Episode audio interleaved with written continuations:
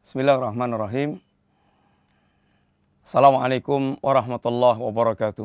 Innal hamdalillah wassalatu wassalamu ala Rasulillah wa ala alihi wa ashabihi wa mawalah wala haula wala quwata illa billah amma ba'd. Para pemirsa yang rahmati Allah Subhanahu wa taala, kita kembali berjumpa dalam kajian silsilah akidah, akidah Ahlussunnah wal Jamaah dan kita masuk pada pembahasan Nawaqidul Islam dan kita melanjutkan pada pembahasan ini An-Naqid Al-Khamis, pembatal Islam yang kelima.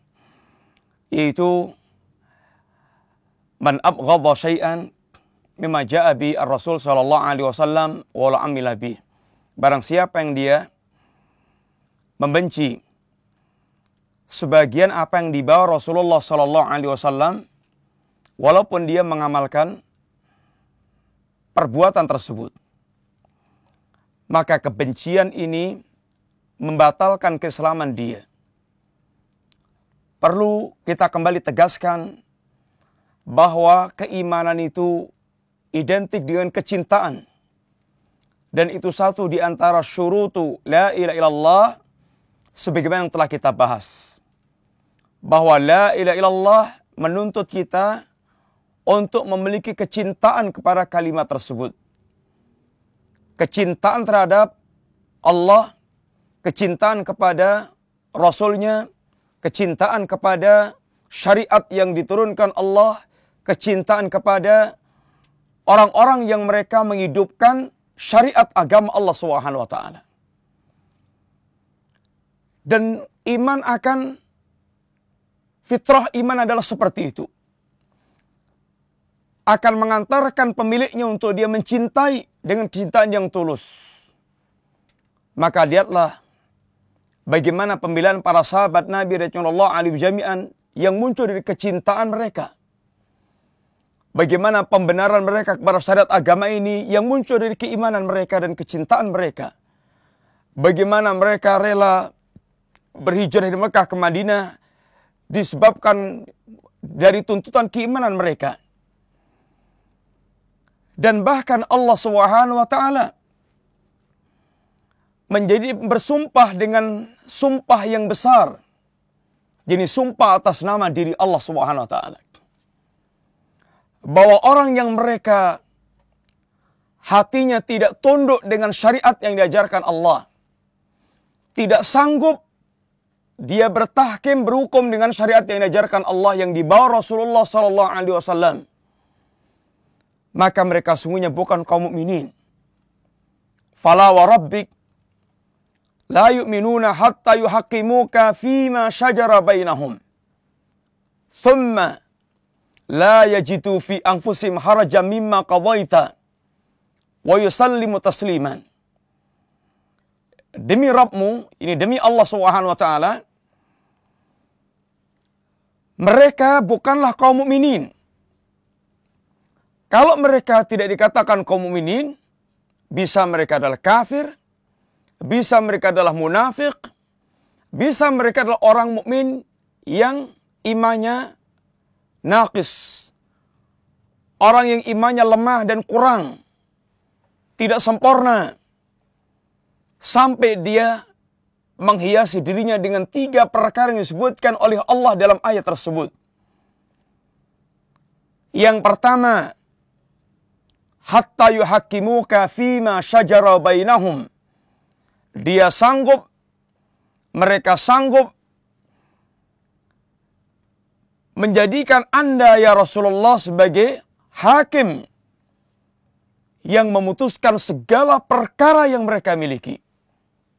Tidak perkara pribadi, tidak perkara keluarga, tidak perkara masyarakat, tidak perkara kenegaraan, seorang mukmin adalah orang memiliki kesiapan untuk dia bertahkim dengan Rasulullah sallallahu alaihi wasallam.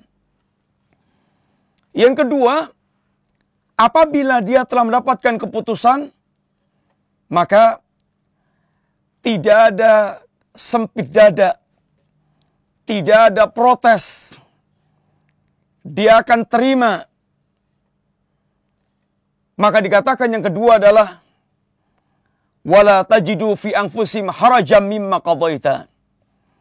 tidak Anda dapatkan dalam hati mereka perasaan haraj, perasaan berat, sikap protes dari apa yang kau putuskan. Yang ketiga, apabila Anda telah putuskan, mereka ada ketundukan. Sikap taslim. Wa yusallimu tasliman. Inilah orang mukmin yang sejati.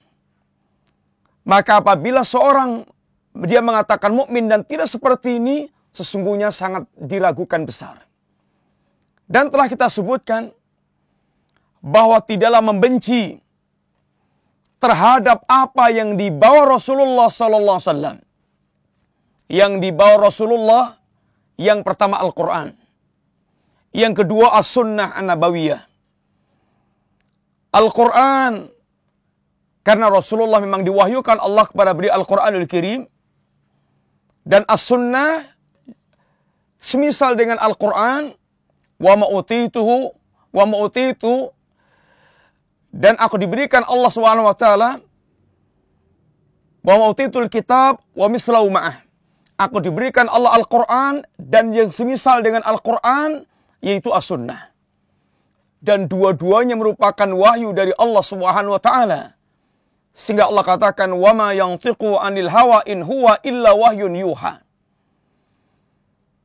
Dan tidaklah membenci apa yang dibawa Rasulullah SAW, Rasulullah SAW tersebut kecuali yang pertama orang kafir sebagaimana telah kita sebutkan. Dan yang kedua orang munafik yang nyata kenifaknya sehingga ketika mereka orang munafik diseru diajak kepada Allah Subhanahu wa taala dan rasulnya sallallahu alaihi wasallam. Wa idza qila lahum ta'ala fa idza qila lahum ta'ala ila ma anzalallah.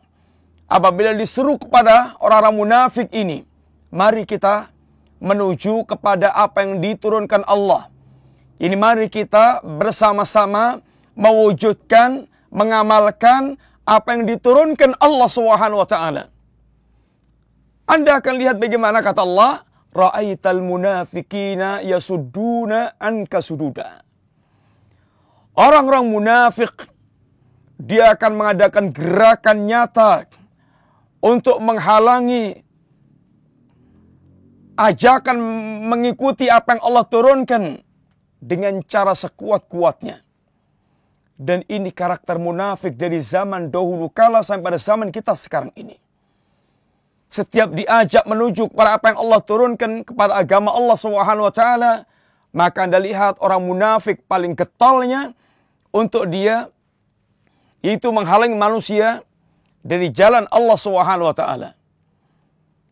Para pemirsa yang dirahmati Allah Subhanahu wa taala. Sesungguhnya di zaman kita ini kita melihat ada orang-orang yang mereka menyatakan dirinya muslimin. Akan tapi sangat aneh. Mereka mensikapi sunnah yang diajarkan Nabi. Mensikapi hadis yang diajarkan Nabi.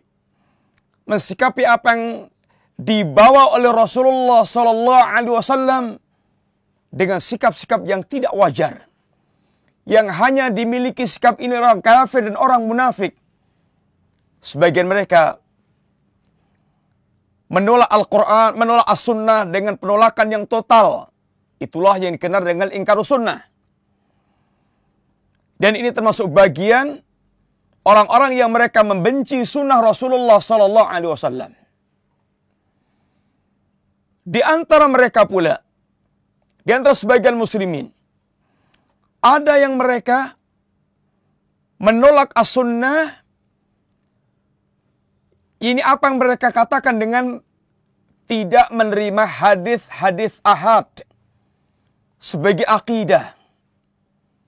Dan tentu subhanallah, ini keyakinan baru yang tidak pernah ada bagaimana sesuatu yang jelas dari Nabi sallallahu alaihi wasallam kemudian mereka tolak dengan alasan yaitu hati-hati menetapkan perkara akidah tidak boleh dengan hadis ahad karena sifatnya dhani maka ini tidak pernah ada sama sekali dari para salaf kita dan merupakan keyakinan baru dan tidak mungkin mereka terapkan pada kehidupan mereka pula. Akan tapi sangat anehnya ketika mereka menolak hadis ahad yang jelas-jelas sahih dari Nabi Sallallahu Alaihi Wasallam, mereka menetapkan akidah mereka dengan filsafat. Mereka tetapkan akidah mereka dengan filsafat sehingga sadar atau tidak dia telah mengangkat akal mereka di atas wahyu yang diturunkan oleh Allah Subhanahu wa taala. Dan sebagian umat ini ada mereka sekedar ikut-ikutan bagaimana mereka kemudian ikut membenci apa yang dinisbatkan kepada Rasulullah sallallahu alaihi wasallam karena terpengaruh oleh orang-orang yang mereka lebih dipimpin oleh hawa nafsu mereka. Terpengaruh kufar, terpengaruh alul bidah, sehingga jelas sesuatu itu jelas ajaran Nabi, kemudian dia benci. Maka berhati-hatilah, seandainya ah, muncul dalam hati seorang kebencian, hati-hatilah seandainya muncul kebencian dalam hati Anda kepada sesuatu yang telah jelas nisbatnya kepada Rasulullah sallallahu alaihi wasallam.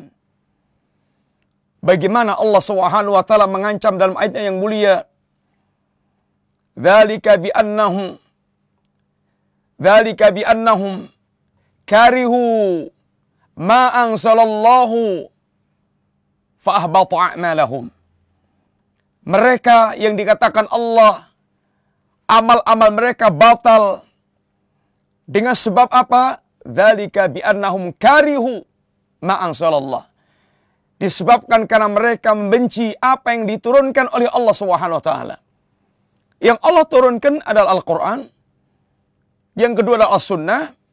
Dua-duanya merupakan wahyu Allah Subhanahu wa taala.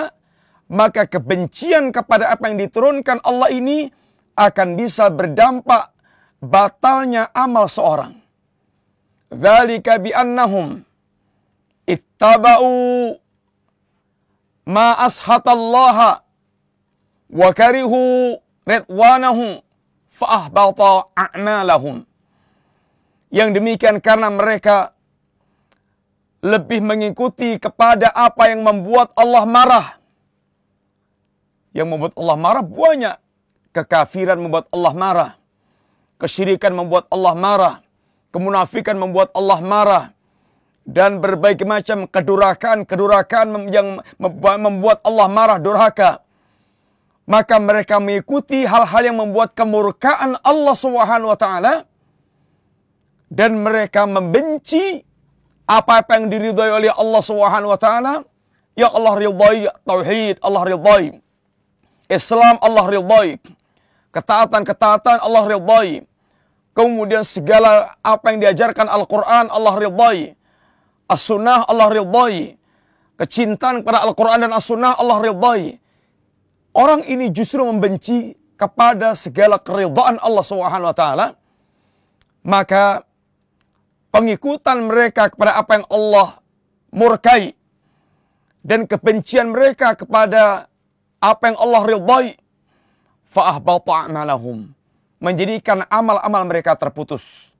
Amal-amal mereka rusak.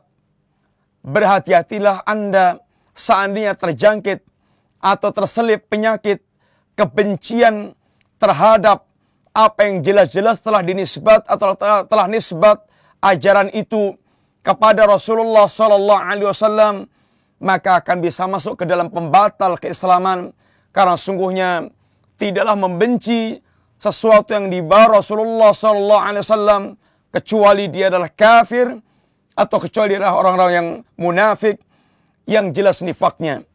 Mudah-mudahan Allah Subhanahu wa taala menjadikan kita di antara deretan orang-orang yang memiliki hati kecintaan kepada Allah Subhanahu wa taala, kecintaan kepada pembawa syariat Allah yaitu Rasulullah sallallahu alaihi wasallam, kecintaan kepada syariat agama Allah Subhanahu wa taala dan kecintaan kepada orang-orang yang mereka berusaha untuk mewujudkan agama Allah Subhanahu wa taala sekalipun seandainya kita belum memiliki kesanggupan mewujudkan apa yang harus kita wujudkan karena keadaan atau karena alasan tertentu yang lainnya akan tapi jangan sekali-kali kita membenci apa yang telah nisbat kepada agama ini atau kepada Rasulullah sallallahu alaihi wasallam mudah-mudahan Allah Subhanahu wa taala menyelamatkan kita di dunia dan akhirat dengan agama ini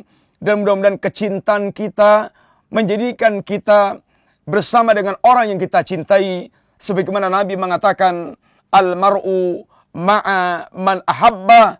Orang itu akan bersama dengan orang yang dia cintai dan mudah-mudahan dengan kecintaan kita pun Allah menggolongkan kita kepada mereka sekalipun kita belum bisa beramal seperti amal yang telah ditunaikan oleh mereka-mereka yang betul-betul telah mewujudkannya. Mudah-mudahan manfaat. Wassallallahu ala nabiyyina Muhammadin wa ala alihi wa wasallam.